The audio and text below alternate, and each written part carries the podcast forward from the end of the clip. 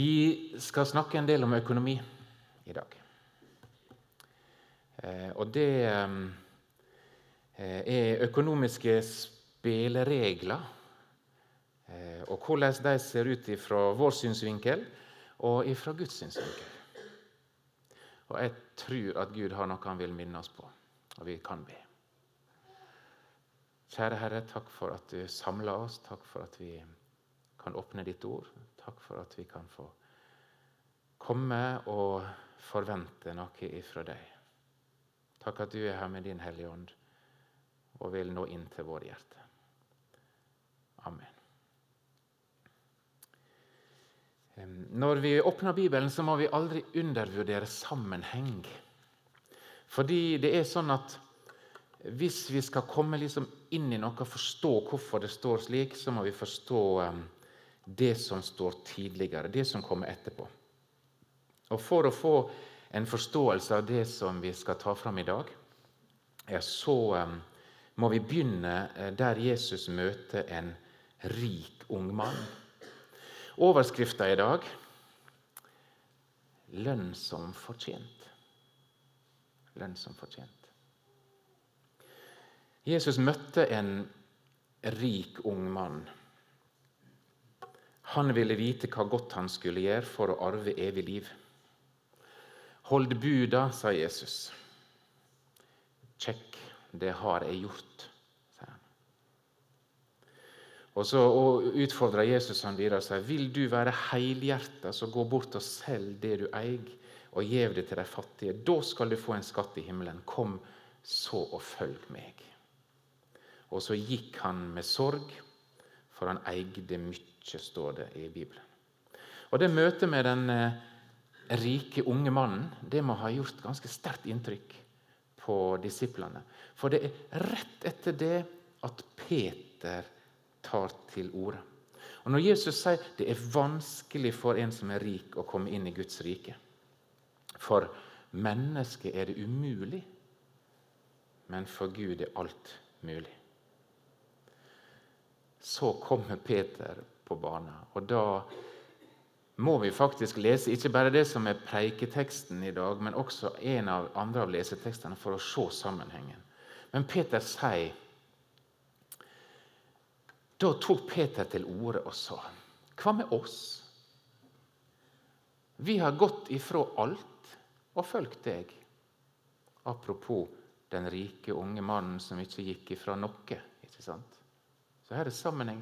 Hva skal vi få? Jesus sa til dem, Sannelig, jeg sier dykk, når alt skal fødes på nytt og menneskesonen sitter på kongstolen sin i herligdom, da skal det òg, som har fulgt meg, sitte på tolv troner og dømme de tolv Israelsstammene. Og alle som har forlatt hus eller brød eller søstre eller far eller mor eller barn eller åkrer for mitt navns skyld, skal få det att hundre ganger og arve evig liv. Men mange som er de første, skal bli de siste, og de siste skal bli de første. Peter han, han er en herlig fyr, for han sier som regel det han tenker. Han har ikke så mye filter. Han, nå tenkte han på at hva skulle han få? What's in it for me? Når denne rike unge mannen gikk vekk, og han kjente jeg har jo ofra en del. Jeg har ofra mye, Jesus. Den rike mannen valgte rikdommen. Men vi, Jesus, vi valgte jo å følge deg. Vi gikk ifra båtene våre, levebrødet vårt. Familiene sitter hjemme, vi er der sjelden. Vi reiser rundt med deg overalt.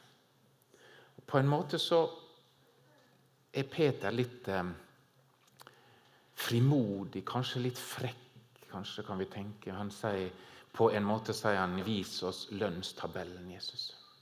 Vis oss lønnstabellen. Det er iallfall et par ting her som jeg syns sier oss noe. Um,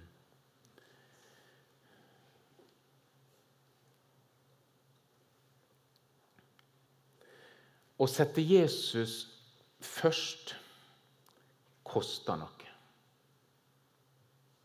Det var det første jeg tenkte på. Å sette Jesus først koster noe. Hva med oss, sier Peter. Vi har gått ifra. Her er en forsakelse. Å følge Han betyr noe for deg og meg. Og Det kanskje kan være første refleksjonspunktet. Hva betyr det for meg å følge Han og ikke følge verden sin logikk? Det betyr at jeg ofte må velge å forsake, eller kanskje velge å prioritere. Det hadde disse læresvennene gjort, og det var noe bra. Og Jesus anerkjente at de hadde forsaka noe. Og Da kan, vi, kan vi tenke på våre um,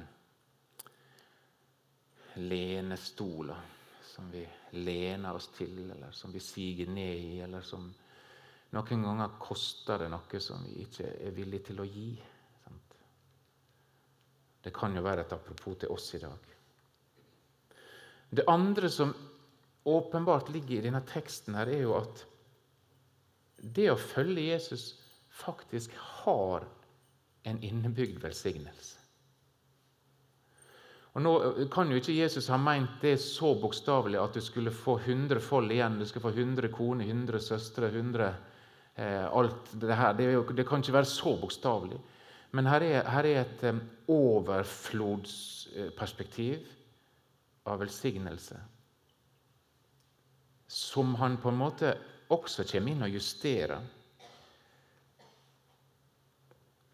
Det som er litt sånn kryptisk og uforståelig, det er jo dette med at de skal bli dommere fra Israels sine stammer. Og Det kan jo vi spekulere i, og vi kan prøve å forstå. Og hvordan organiseringa av Guds timeplan blir i de siste tider, og hvordan dette her skal henge sammen, det har jeg bare lyst til å bare overlate til Gud sjøl. Akkurat hvordan det blir. Men det er likevel et ganske sterkt eh, ordet fra Jesus her. Her er en ære eller en, en lønn på en eller annen måte som han vil gi. Det tar ikke bort budskapet om at du får noe igjen når du følger Jesus. Kanskje snakker vi lite om det. Men det er ikke kalkulerbart. Det er helt umulig å regne ut. For det er ikke en del av en byttehandel. ser du.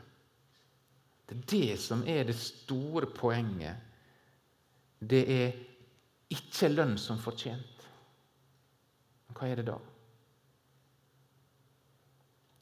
For Jesus henger, Jesus henger på en liten advarsel på slutten. der, Så sier han men mange, av, mange som er de første, skal bli de siste, og de siste skal bli de første. Til den som tar, vil lyst til å ta fram kalkulatoren og, og prøve å finne ut lønner det seg å følge Jesus. I forhold til egen innsats, og så trekker du fra og så prøver du å rekne det fram, så sier Jesus det ganske tydelig. Det kan være at du tror du er den første, så blir du den siste. Eller du er den siste, så blir du den første. Og For å understreke det poenget så er det at Jesus tar oss med inn i vingården sin. Og ehm, Når Jesus begynner å si 'himmelriket kan liknast med', da er vi lurt i å lytte. Og Det er en ganske lang tekst, og den er sikkert kjent, men den hører til i sammenheng med det Jesus sier her. Så vi leser fra Matteus 20 rett etterpå. Himmelriket kan liknes med en jordeier som gikk ut tidlig om morgenen for å leie arbeidsfolk til vingarden sin. Han ble sammen med arbeiderne om én dinar for dagen og sendte dem bort til vingarden. Så gikk han ut omkring den tredje timen og fikk se noen andre som sto ledige på torget. Han sa til dem, 'Gå bort i vingarden, det òg, så skal jeg gi dere det som er rett.' Og de gikk. Siden gikk han ut omkring den sjette timen og den niende timen og gjorde likeens. Da det leid til den ellevte timen, gikk han ut igjen og fant enda noen som sto der. Han sier til dem, 'Hvorfor står det her arbeidsløse hele dagen?' 'Fordi ingen har leikt oss', svarer de. Da sa han, 'Gå bort i vingarden, det òg'. Da det lei til kvelds, sa vingardseieren til forvalteren sin. Kall fram arbeidsfolket og la dem få lønna si. Ta til med de siste og hold fram til de første. Så kom de som var leide omkring den ellevte timen, og fikk én denar hver. Da de første kom, venta de å få mer, men de fikk hver sin denar, de òg. De tok imot pengene, murra mot jordeieren og sa de som kom sist, har ikke arbeid mer enn én time. Og så setter du dem likt med oss, som har slitt og svetta hele dagen. Han sa til en av dem, Ven, jeg gjør deg ikke urett. Var vi ikke samde om én denar? Ta ditt og gå. Men jeg vil gi han som kom sist, like mye som deg. Har jeg ikke lov å gjøre som jeg vil med det som er mitt? Eller ser du med vonde øyne på at jeg er god? Såleis skal de siste bli de første, og de første de siste. Det var veldig vanlig at eh, dagarbeiderne samla seg på torget for å få arbeid. Det, en denar var en helt vanlig dagslønn. Eh, det var en veldig kjent situasjon Jesus skildrer her. Det var ikke noe spesielt med det. Det var, eh, det var akkurat sånn det foregikk. Og Folk møtte opp der for å få arbeid. Og selvfølgelig møtte opp noen tidlig for å uh, bli henta inn til dagsarbeid. Og tidlig, det var faktisk tidlig. Det var jo klokka seks, det da, når det akkurat lysna av dag. og det, Den tredje timen er jo klokka ni, og sjette klokka tolv. og Niende timen klokka tre, og så var det altså den ellevte timen klokka fem. Og da var jo dagen nesten over.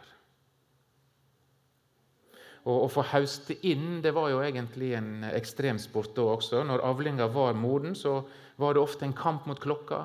Det var en kamp mot været, slik som i Slåtten her før i tida.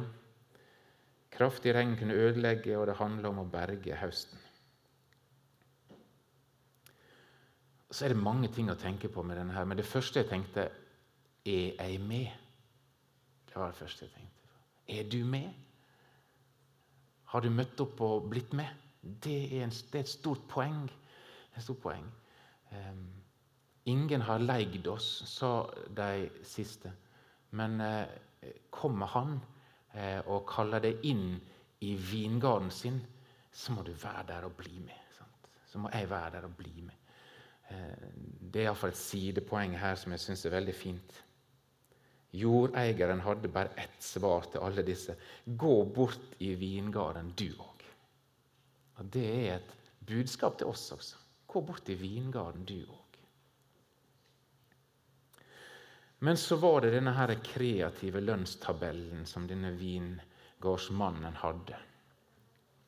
Her hadde de første slete og streva og svetta.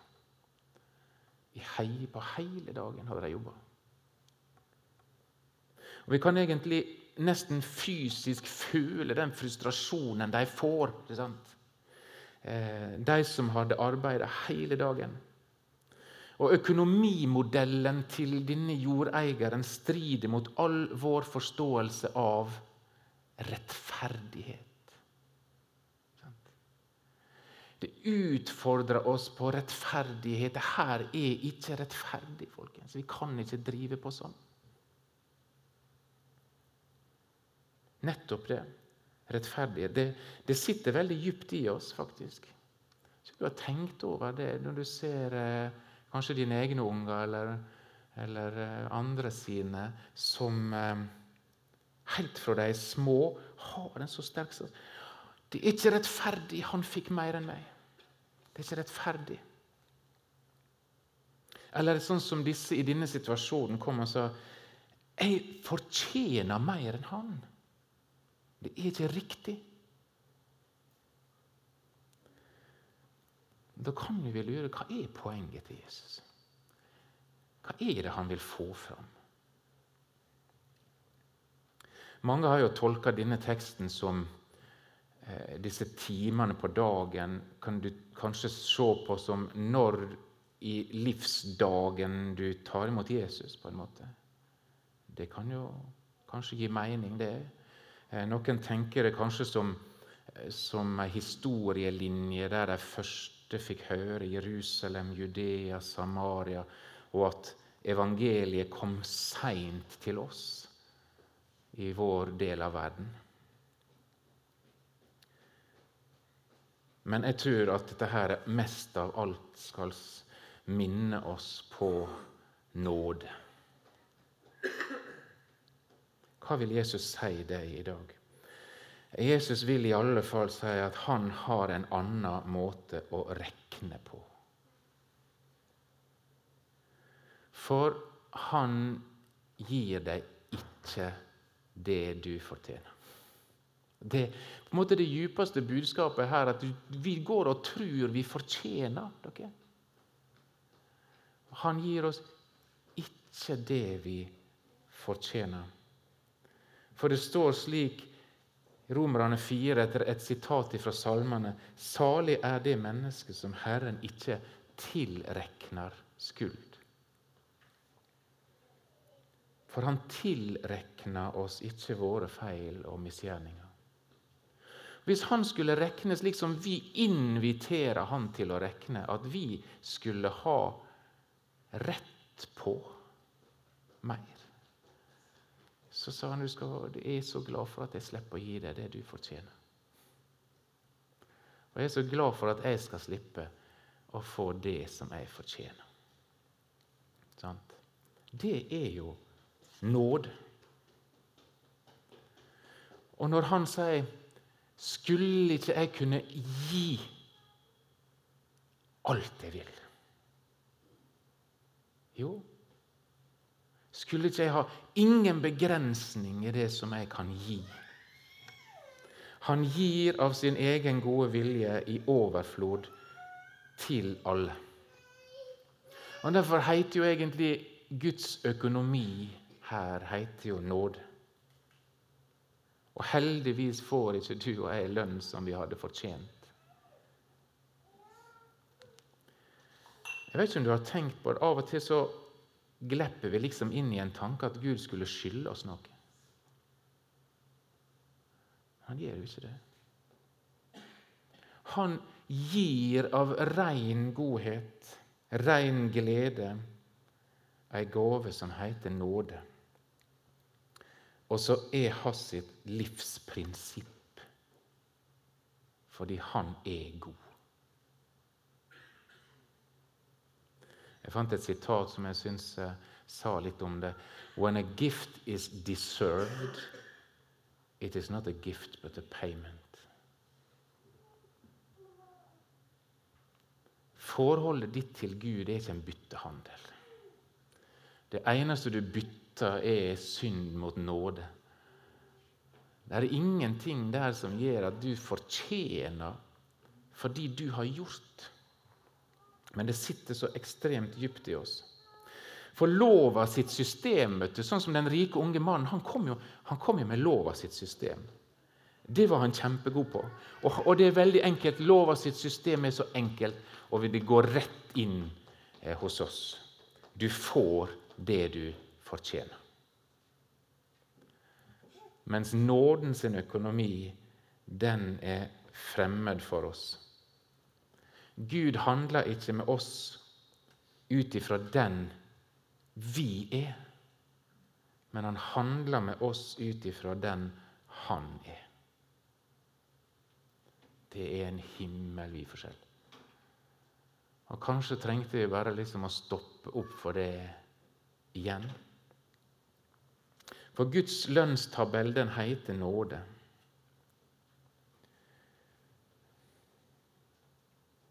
Og poenget er heller ikke at alle fikk likt betalt.